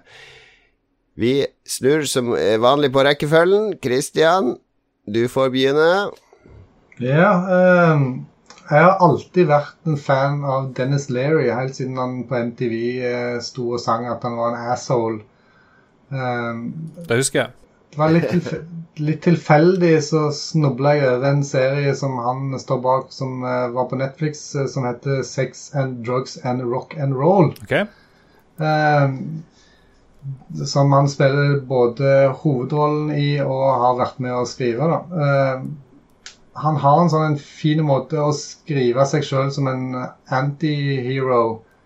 Uh, men du blir på en måte likevel glad i karakteren. og sånt. Det er en veldig artig serie om en avdanka rock'n'roll-vokalist som, som uh, på en måte ikke klarer å omstille seg uh, eh, 20-30 år etterpå at han hadde sin lille blast of suksess. Så veldig artig serie. To sesonger raste gjennom den ganske raskt. Men uh, skulle gjerne sett mer, men dessverre så, så tror jeg den ble, ble cancelled for to år siden. Oh, no. Men uh, artig. Okay. Uh, hva liksom skjer? Er det bare han driver og puler rundt og driver, bruker narkotika og Ja, alt det der. All the above. I tillegg så, så dukker jo selvfølgelig ei datter opp som han ikke visste han hadde som da òg eh, blir med i bandet hans Oi. Eh, som vokalist. Og det blir masse intriger og, og, eh, og de andre i bandet, spesielt gitaristen, legger seg jo etter datteren hans. Mm. Så, så, artig serie. Ok. Mm. Er det, er det, sånn klassisk Daniel Leary som er sånn snerrende sint? Jeg husker han, han var alltid sånn snerrende på scenen. Yep. Det, det, er han. Og så er han veldig oppgitt, for det, er shit hits the fan hele tida. Hvordan andre Han har vært i en del TV-seere. Dennis Leary Ja, Rescue, Rescue Me, blant annet. Ja, Brannmann-greia. Ja. Ja, okay. Var ja. den bra, den serien der? Noe som har skjedd? Den? Ja, veldig. Han er, han er jo veldig sånn uh, New Yorker-mann og veldig, uh, veldig pro politi og brannvesen. Og jeg tror han gjør en del veldedighet og sånt på privaten og sånt òg. Så det, han det òg skrev han seg sjøl som en uh, litt sånn antihero, men, men uh, du blir liksom uh, Du liker karakteren for det med at han ikke er, er feilfri. da. Mm. Han er jo også politikaptein i den fantastiske hiphop-komedien Who's the Man? med Dr. Dre og Ed Lover fra 90-tallet. Chris Cross er òg med der. I, jeg tror han spiller i Judgment Night, gjør han ikke det? Jo, jo, jo, jo, jo det er han. Ja, ja mm. det var hiphop. En sånn eh, underground-boss uh, et eller annet. Ah. I 2018 så spiller han i noe som heter Animal Kingdom. Han har vært med i syv episoder hittil. Uh, en TNT-serie. Southern California Family, whose excessive lifestyle is fueled by their criminal activities. Det beste i Lolbua, Lars, det er når du sitter og leser opp fra internett. Uh, 8,1 på IMDb. Jeg føler at vi alle driver og leser fra internett av og til, så det er godt selskap. Ok. Dag uh, Thomas, uh, har du noe å anbefale? Uh, det vi anbefaler, er Ghost sitt nye album Prequel. Ah. Jeg har aldri vært en sånn metal-fyr eller likt det noe særlig. Jeg har bare vært likt EDM og litt sånn uh, tekno-ting. Men Ghost prequel-albumet traff meg skikkelig. Det er faen meg noe av det beste jeg noen gang har hørt. Så jeg tror jeg har hørt albumet typ 100 ganger de siste Oi. ukene. Okay. Har du, jeg syns det er helt fantastisk. Har du giddet å høre på de gamle, eldre platene? Jeg har hørt på noen av de eldre òg, men jeg syns ikke det er like bra. Jeg trenger mm. kanskje mer den Grand Prix-stemninga på det nye albumet. Litt mer crazy med saksofon og fullt kjør. Ja, for de er jo ganske lett tilgjengelige, egentlig, syns jeg. De er litt sånn Kiss. Dagens Kiss, på et vis. Litt sånn ja, Jo, det er noe sånt noe. Men jeg tror liksom folk som kanskje ikke liker metal eller liker sånne ting, vil like det albumet, da. Mm. Så jeg har grått, og jeg har vært glad, og alt det er helt crazy karusell med det albumet der. Hver gang du hører det. 100 ganger. Ja, det var eh, ja, følsomt. Det var bra. Nice. Har du blitt sånn fan at du har kjøpt uh, billett i Oslo til eh, februar? Nei, det har jeg ikke gjort, for jeg blir pappa 5. februar. Så oi, oi, oi. Da, da, kan jeg ikke det. Men det er også en anbefaling. da, bare bli pappa. Fins sånne hodetelefoner til babyer. Sånn der uh, ja. hørsel, hørselsvern. Du har ikke klart Ny, Infant, var nyfødte, bare dra dem rett på Ghost-konsert. Jeg liker jo Ghost veldig godt, men jeg har hørt veldig lite på den nye plata. Så jeg, jeg følte den traff meg ikke like mye som de to første platene, som vel er de jeg har hørt uh, mest på. Så, men jeg, du høre mer på jeg skal høre mer på det. Jeg skal love. Jeg skal ja. komme med en slags uh, uh, bekreftelse eller sterk dom av din anbefaling ja. neste gang. Jeg har notert det ned. Jeg har aldri hørt noen ting av Ghost, så dette blir en ny reise for meg. Jeg synes det var altså Første gang jeg hørte albumet, for det var liksom ah, faen, nytt album, Ghost, jævlig fett, ikke sant, som kompiser, og så ble det liksom bare sånn Ja, få får høre på det. Altså, jeg hørte det så gjennom en gang, så tenkte jeg for faen, hva er dette for noe verdiløs dritt? Det var liksom bare saksofon og orgel og sånt, så sto jeg egentlig ute og malte i sommer, og det var da jeg hadde fått satt Spotify på repeat, og så hadde jeg så mye maling på hendene. så var det eneste albumet som gikk om og om igjen i åtte timer eller noe sånt. Det er da jeg ble hekta. wow. Hjernevask kalles det. Ja. Det var bra du ikke hadde på noe sånn skikkelig drit da, som, som du ikke fikk endra fra repeat, så du hadde begynt å like det. Ja.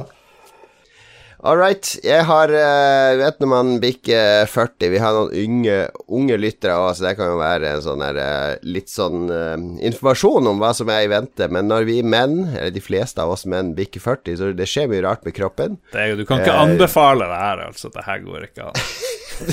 det begynner å vokse utover i stedet for oppover. Uh, ting eh, F.eks.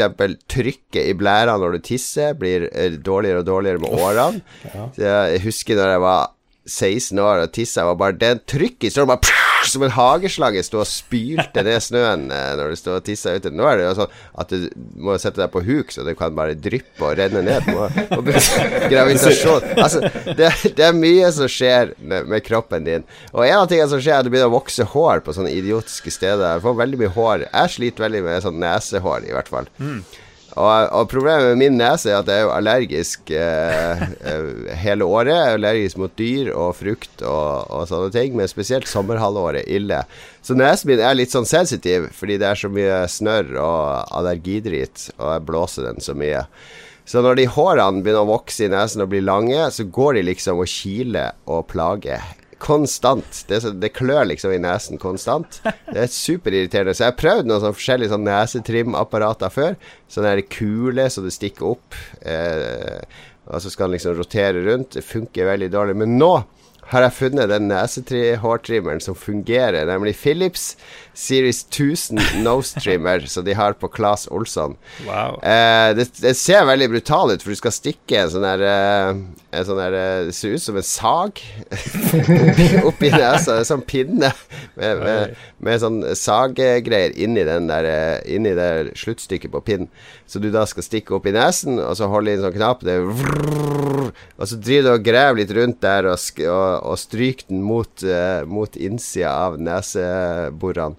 Og det funker. Den har tatt uh, veldig mange hår, da. Så nå, uh, nå Etter jeg hadde brukt den, det var superdeilig å kunne gå rundt uten at hvis jeg rynker på nesen, så kjennes det ut som et eller annet som klør meg på innsida av nesen. Så alle som sliter med nesehår, anbefaler den. Koster 200 kroner på Claes Olsson. Det er et av mine absolutt beste kjøp i år. Philips Series 1000 1000 Nose Trimmer. Jesus lord.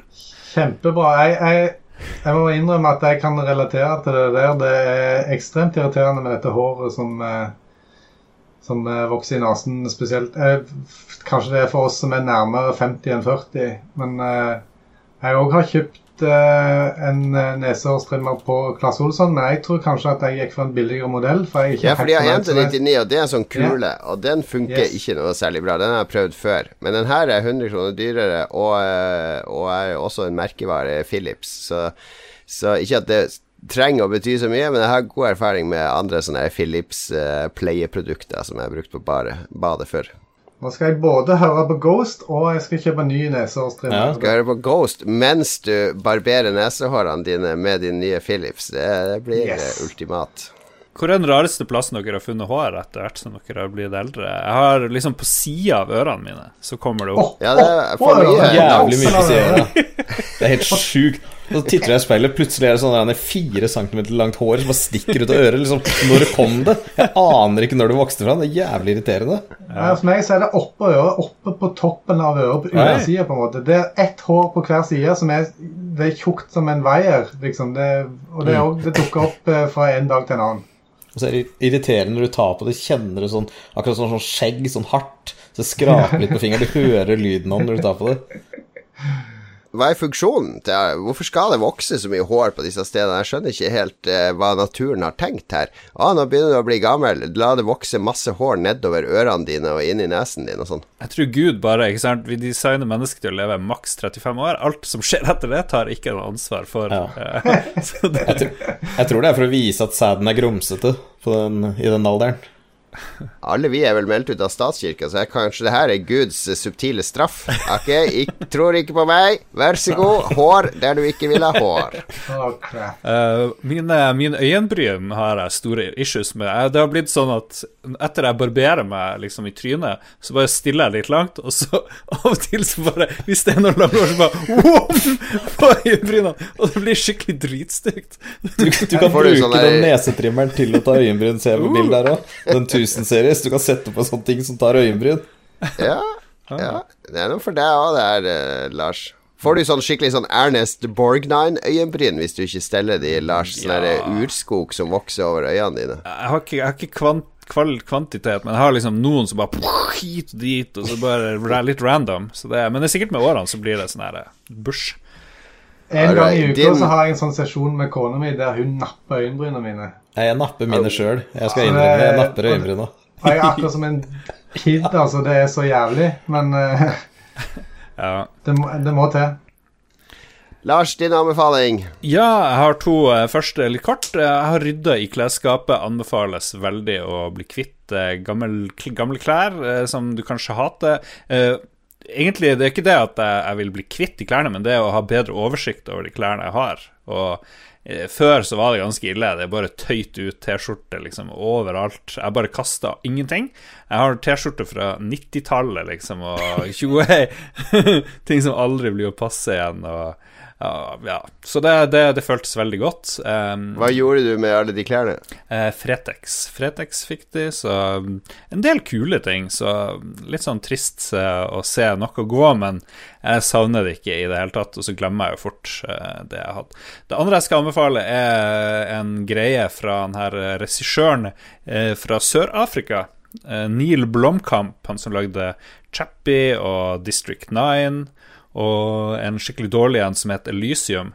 Det er vel de tre filmene jeg har sett fra han. Men nå også har det kommet en sånn her eh, samlegreie. Han har lagd eh, noe som heter Oats Studio Volume 1, som er masse sånne korte greier. Noen er bare sånn tullreklamer. Noen er kortere filmer med f.eks. Sigourney Weaver og noen andre litt sånn små kjente folk. Eh, litt skittig eh, eh, datagrafikk, men kompetent nok, og veldig bra stemning. Mye, mye aliens uh, er det, men også en del humor. Og også en sekvens som virker som er tatt fra Portal-universet, hvor de er hvor noen sånne her, forskere driver og prøver ut sånne der, nye sadistiske våpen og bare ler seg i hjel hver gang de, de, får drept og skutt noen folk. Det er veldig morsomt. Det er som han der Hva de heter det der Aperture Labs. Nei, hva det heter for noe der de driver ja, og lager ting? Aperture Labs. Yes. Du bare venter på at den stemmen til han der eh, gærningen skal komme over høyttaleranlegget og komme med noe sånt her morsomt. Men det er en samling sånn kortfilmer, novellefilmer, eller? Mm, ja. Eh, problem finnes kun på Amazon Prime, men Amazon Prime koster jo sånn typ 30 kroner i måneden, så hvorfor ikke ha det uansett, spør du meg. 30 kroner her, 30 kroner der, blir fort 100 000. Blir det blir det. Det sier, sier min mor, i hvert fall. Det var anbefalinga. Vi har uh, veldig mange bra lytterinnspill uh, denne gangen, som du får høre rett etter uh, Rob Hubbard kanskje har spilt litt musikk for oss.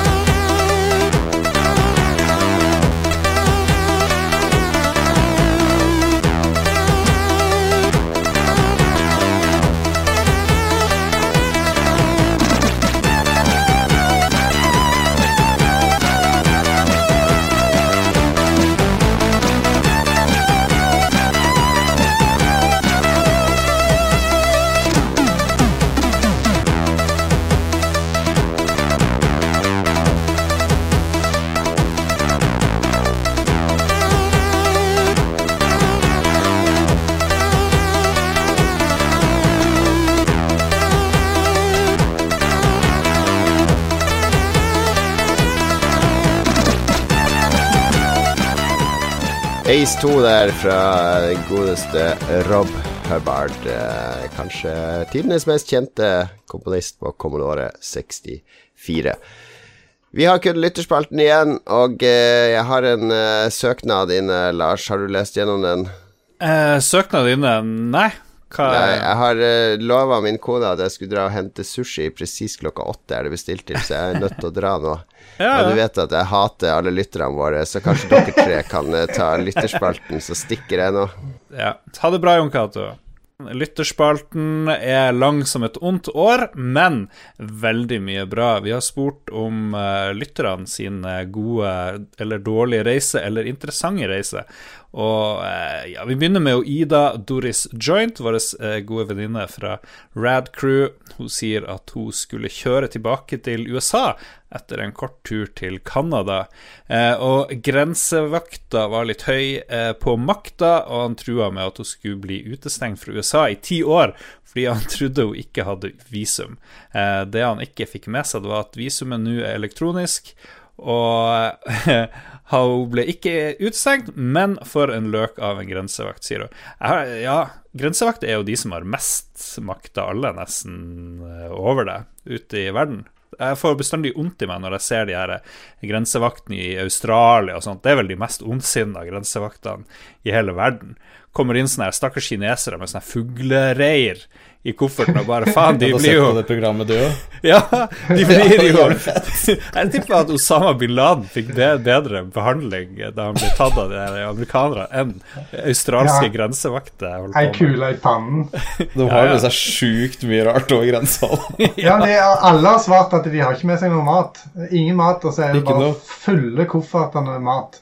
Ja, og australierne de hater at folk har med mat. Eh. Ja, men Det er et eget kontinent, så det alt du bringer dit, er jo på en måte u, ukjente element. ikke sant? Så det, det mm. det er akkurat som grisene de slapp løs, og dingoen og hundene og alt som bare lever vilt ja. ute der, som bare er helt crazy. ja. ja, ja. Nei, men fuck Australia. Har dere vært der, noen av dere? Ja. Er det så ille som grensevakten kan tyde på, eller? Ja, For meg gikk det veldig fint. Ja, ok Jeg hadde egentlig tenkt å bruke en historie der til den første spalta i dag, men uh, det får bli siden. ok, ok men, Så det gikk veldig fint. jeg, jeg, kan si, jeg, kan si, det kort, det er veldig fint uh, innpå det der. Ja. At her i Norge så har vi sånne uh, luftvernsalarmer som tester på skoler en gang iblant, sånn sirene. Mm. Ja, I Australia så er det haialarm. Så det bør alle vite. For det visste ikke jeg, så jeg drev og dykka fortsatt der og svømte og tok bilde av alle de store fiskene, og svarer hun meg. ja, nice. Morsomt.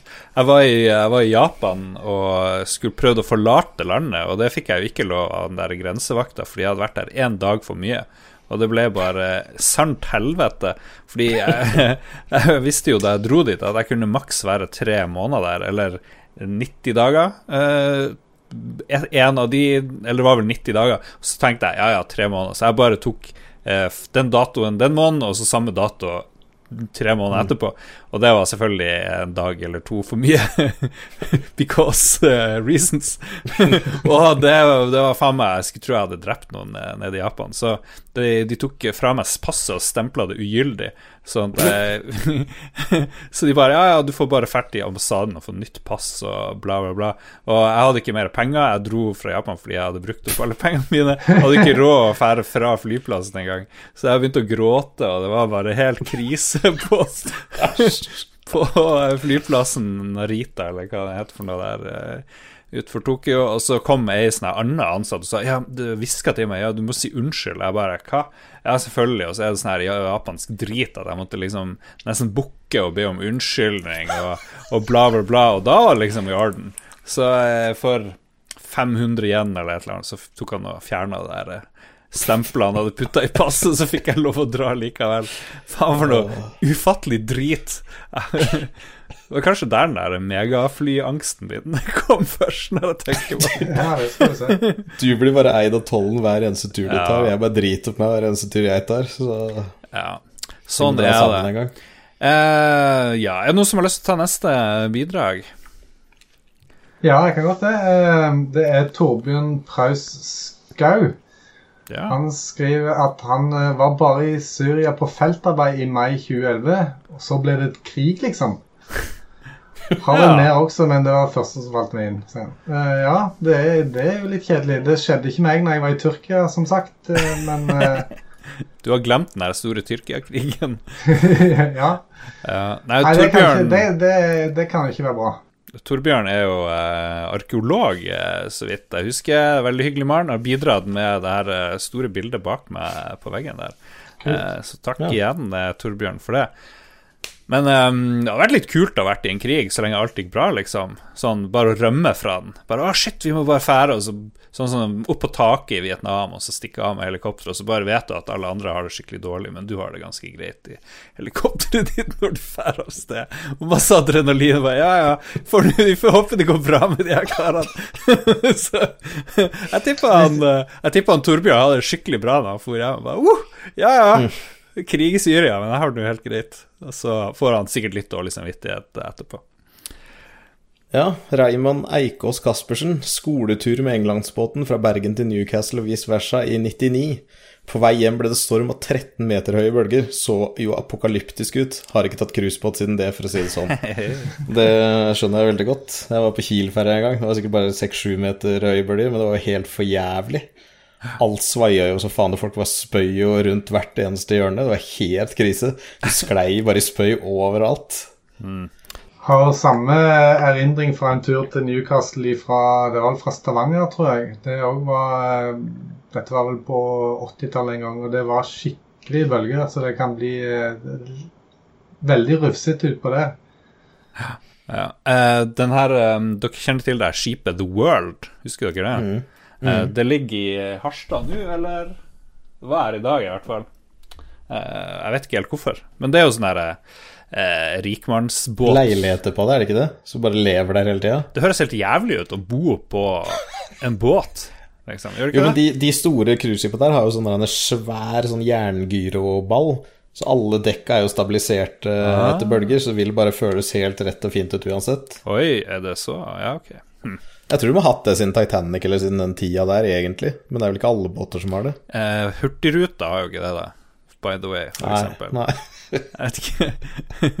jeg har vært på cruise én gang, men det var, det var, bare smooth sailing. Det var ikke noe særlig med bølger eller noe, tror jeg. Eller var det den der gyroballen? I don't know. Ah, det kan hende. Ja, var, dro fra eh, Miami og nedover mot eh, Mexico og, og, de her eh, karibiske øyene i 20 2007, kanskje. Det var kult. Mm. Det var kult, Men å bo et helt liv eller liksom masse på en båt Tenk hvis det blir sånn E. coli-greier og sånn helvete. det skjer jo, det. Men er, det, er dette sånn timeshare-aktig greie, eller eier de leiligheten 100 hele tida?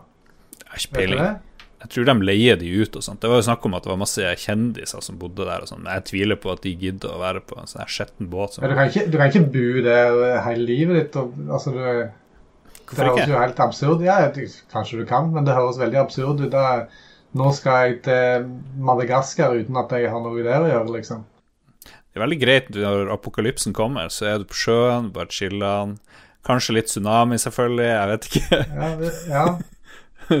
ja. Ok, uansett. Chris Haugland sier han skulle til Tokyo. Oi, det er jo der jeg hadde problemer. Skulle til Tokyo i forfjor, og for å sove mest mulig på flyet, så var han oppe hele natta. Eh, så han var ganske trøtt da de dro. Eh, kom til flyplassen, så var flyet så forsinka at de ikke rakk mellomlandinga til Amsterdam eh, til Tokyo, så de måtte ombooke til neste dag. Neste dag gikk flyet fra Kristiansand til Amsterdam, men denne gangen måtte vi mellomlande i Shanghai. Og der var Mellom Kristiansand og Amsterdam, det er en lang omvei, altså. Ja, det var What?! ja, nettopp. Fra Ja, nettopp. Det må ha vært fra Amsterdam, tipper jeg, eh, på tur til Tokyo. Eh, tydeligvis er kineserne veldig skeptiske til utlendinger, og selv om man ikke skulle inn i selve landet, så måtte de gjennom immigration, to timer med gransking av pass. Det er det jeg sier, sånn grensevakter er de dårligste menneskene i hele verden. Uh, spesielt for oss som er uskyldige. det er fint at han skriver til slutt at de googler navnet hans. Ja, de... Navnene. Ja, ja. OK, Vegard Syvertsen, hvem tar han? Den kan jeg ta. Apropos Manchester. Han sier at han skulle reise til Manchester for å se på fotballkamp. Og han som fikk ansvaret for å være reiseleder, han så kun på prisen og endte opp med, med de billigste flybillettene han kunne finne Dette resulterte i tolv timers reisetid til England, to mellomlandinger, og en av mellomlandingene var over fem timer. Så det var siste gang han eh, personen fikk lov til å være ansvarlig for noen ting som helst. ja. Sjekker Når dere bestiller reise, liksom, er det, hvor, hvor, hvor, billig må det være før dere er villige til å vente liksom, lenge, eller det tar masse tid? Liksom? Hvordan veier man det der? Jeg kjøper heller dyrt, det, så jeg er sikker på at jeg bare kommer fortest mulig fram og tilbake. Helt enig, egentlig. Det, det, jeg prøver å begrense layovers når det er at jeg bestiller. Du kan jo som regel dra en sånn slider og si at du vil maks ha én eller to eh, hopp på turen mm. din, og da pleier jeg alltid å dra i den, for det er helt jævlig å bare sitte og tvinne mm. tomler. Og så blir jeg litt sånn, litt sånn så du, at jeg blir litt sånn stressa òg, for at eh, det, hvis det blir noen forsinkelser, så er det sånn Å, nå har jeg bare så og så mange minutter kommer meg til den gaten som er på helt andre sida av flyplassen, selvfølgelig, som du aldri har vært på før. Erlend Rønning Bergsagle. Tre til fire timers kjøretur til hytta, familie på fire i en liten Lada. Alle likte Sputnik bortsett fra meg. Det ble spilt på full volum på hele turen. I senere tid har far beklaget. Hva gjør Sputnik nå, forresten? Og ja, når noen spiller forferdelige ting i bilen, mm. som alle liker bortsett fra én, det er, eh, det er vondt. Men er det, det er hardt. Er det innafor? Nei. Er det ikke det? Egentlig ikke. Nei, er det ikke sånn regler at det er den som eh, kjører bilen, som kan bestemme jo. hva som blir spilt? Er det ikke det som er jo, den uskrevne regelen? Uh, Men en far bør jo ha litt medlidenhet for sine barn. Ja. Jeg måtte sjøl lide meg gjennom veldig mye Evert Taube på 80-tallet. Ja. Så det er veldig mye sånne, sånne seile- og sjømannsviser. Så lenge skutene kan gå og sånn. Vi hadde alltid den reisekassetten, vi, med Reidar og Grøten. ja. Vi hadde Posten sommerkassetter. De jo, det var Post sommerkassett, var det ikke det? Jo, jeg tror det var det, det òg. Det var de kassettene som kom før Absolute Music og sånn. Ja. Skal vi se, eh. Sputnik nå, han er på museet sitt, han i Drangedal. What? Ja, ja. Først vil vi takke alle som har besøkt oss i sommer her på Sputnik-museet i Drangedal. Det var delt for ni timer siden. Oi. Først så søkte Først så skal jeg være ærlig at jeg googla Sputnik død. Men så så jeg på Wikipedia at han fortsatt levde og 75 år. Yes. Så da blei det på den offisielle fan, Facebook-fansida hans.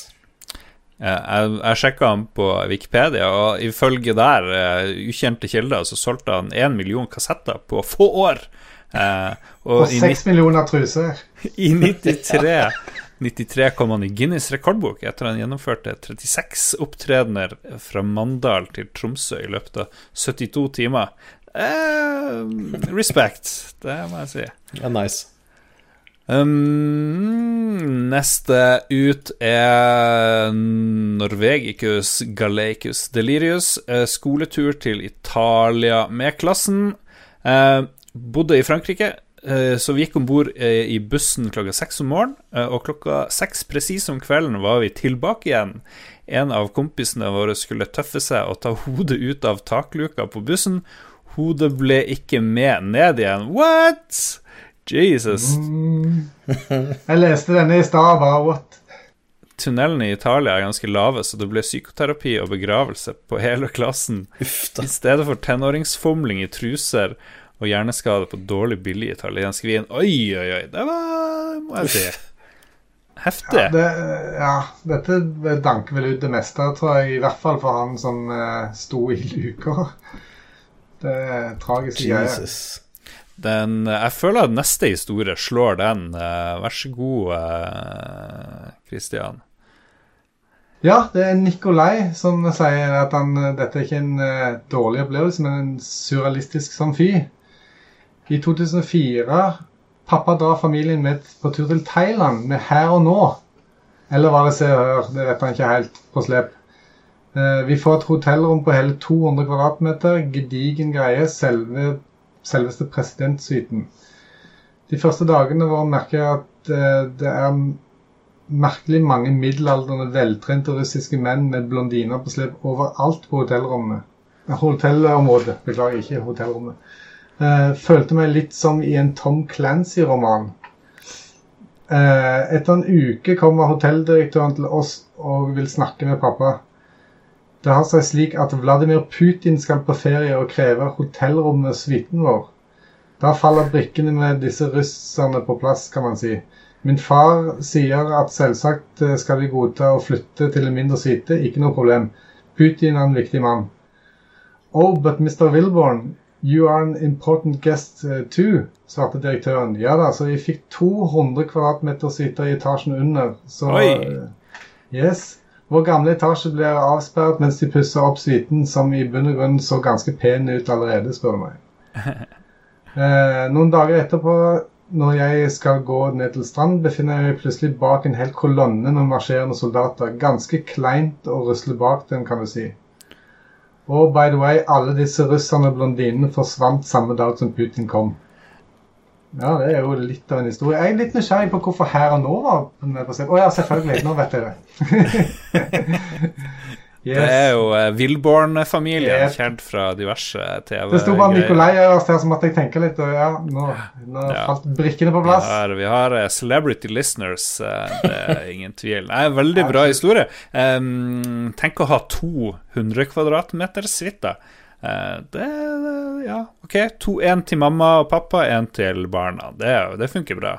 Det er ikke verst. Eh, da er det Boysemann. Boysemann. På vei hjem i studietida tok jeg Hurtigruta fra Tromsø til Hammerfest med billigste alternativ 200 kroner med tre gode venner. Vi bestemte oss for alkohol var lurt, og endte opp med alt fra øl til Tequila. Alltid bra med Tequila. Barn stenges, vi er to som ennå holder koken, og møter to damer på 40-50 år som er på vei til Honningsvåg. Ting går i svart, og jeg husker kun bruddstykker som ikke kan detaljeres her. Men ender, det kan jo detaljeres her, det er det fine her. Her kunne det blitt detaljert. Det er jo, det må jo være Skal vi tro det verste? Ja. Men ender opp å bli vekt med hamring på lugardøra, noe som er veldig rart da jeg ikke har bestilt lugar. Kryper til døra og blir møtt av tre illsinte ansatte som hyler meg i trynet da jeg nå er blitt blindpassasjer. Lang historie kort, så ender jeg opp i Honningsvåg med en bod på 10 000 kroner og kommer meg ikke hjem før julaften. Og nå er ingenting Jeg aner ikke hva som skjer der oppe, men er Honningsvåg langt unna der han egentlig skal? Han skal ut i Hammerfest, ja, og det er, det, da skal du gå av en del før du kommer til eh, Honningsvåg, ja. Så, det er deilig. Ja, det er kult. Men 10 000 i bot for å forsove seg? jeg syns det var veldig drøyt av Hurtigruta, altså. Det, det, det, er ikke bra. Ok, vi nærmer oss slutten her. Eh, vi har bare Philip med F uh, igjen. jeg syns de tar seg veldig opp på slutten her, de her historiene. Philip, vår, vår, av og til gjest, Philip med F, sto fast i tollen i Sør-Afrika en gang i tre timer mens han fortvilt forsøkte å betale seg ut av en ikke-situasjon. De skulle bare høstle meg. Jeg var vel 18 år, og de var mange i militæruniform og AK-47. Men vi har kommet oss gjennom en, en episode 222 av Lolbua. Og yeah. for alle som har hørt Roffelbua, vår Patrion Only-podkast, så er dette et hyggelig gjenhør med Christian og Dag Thomas.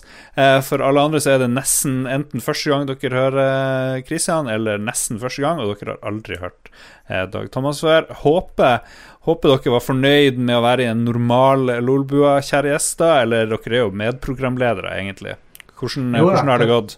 Det har vært veldig bra. Dette har vært eh, en fin og flott opplevelse. Fin og flott opplevelse. Det er litt kjedelig å si. Eh, Snør på flesk. Ja. Nei, det har følt litt som eh, jungelen, og som de sier, ja. så kan alt skje i jungelen. Ja, nettopp. Det er litt sånn kryptisk. Nytt forsøk, Kristian. Mm. Hvordan var det å være her i Lolbua? Det var helt jævlig. Eh, ja. Jeg skulle gjerne ha vært foruten. Nettopp. Ja, veldig bra. Veldig bra. Du får klippe det akkurat som du vil. det gjør jeg bestandig. Yep. Det, dere kan eh, finne flere episoder på lolbua.no eller våre Soundcloud, eller Og finne oss på iTunes og gi oss noen sånne stjerner og drit. Det, det, jeg vet ikke hvorfor, men det er tydeligvis bra, siden alle maser om det. Eh, gå på www.patrion.com slash lolbua. Vi driver og jobber med T-skjorte, masse spennende ting. Dere får eh, eksklusive podkaster, og dere får behind the scenes-shit. Og dere kan spille med oss. Snart skal vi spille med noen utvalgte folk som eh, er våre Patrion-backere, osv., osv. Men vanlige Lolboa får du alltid gratis uansett. Uh, vi kjører Patrion bare for å få dekt utgifter og få gjøre nye, morsomme ting. Vi blant, jobber bl.a. med flere liveshow, og vi skal på roadtrip. Og hvis vi klarer det neste målet, som jeg tror vi klarer, så blir det også tur til utlandet eh, på flere av oss. Det blir gøy.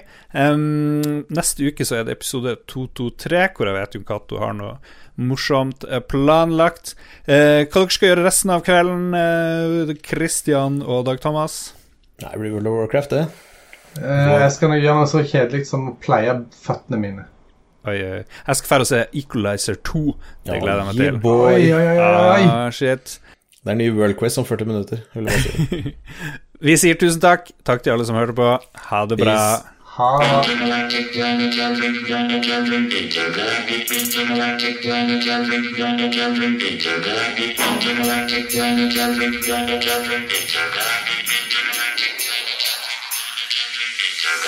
Ha